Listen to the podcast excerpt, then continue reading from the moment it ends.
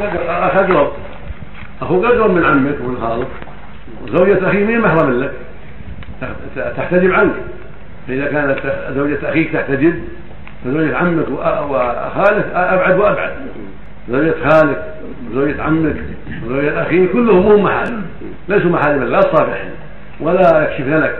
فقال إن يحتجبن ولا لك تصافحون لأنهن غير محارم. والمصافحة للمحرم. أخي أختك. عمتك خالتك أمك بنتك. أما بنات عمك زوجات خالك زوجات عمامك زوجات إخوانك لا مو محارم ليسوا محارم ولا تصافح إحداهن ابدا. نعم.